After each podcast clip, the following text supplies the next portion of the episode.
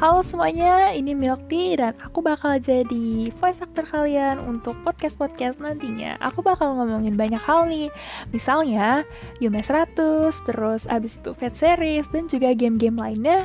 Juga K-pop idol kayak Twice, Stray Kids, dan K-pop idol lainnya. Jadi jangan lupa untuk stay tune untuk episode selanjutnya. Terima kasih.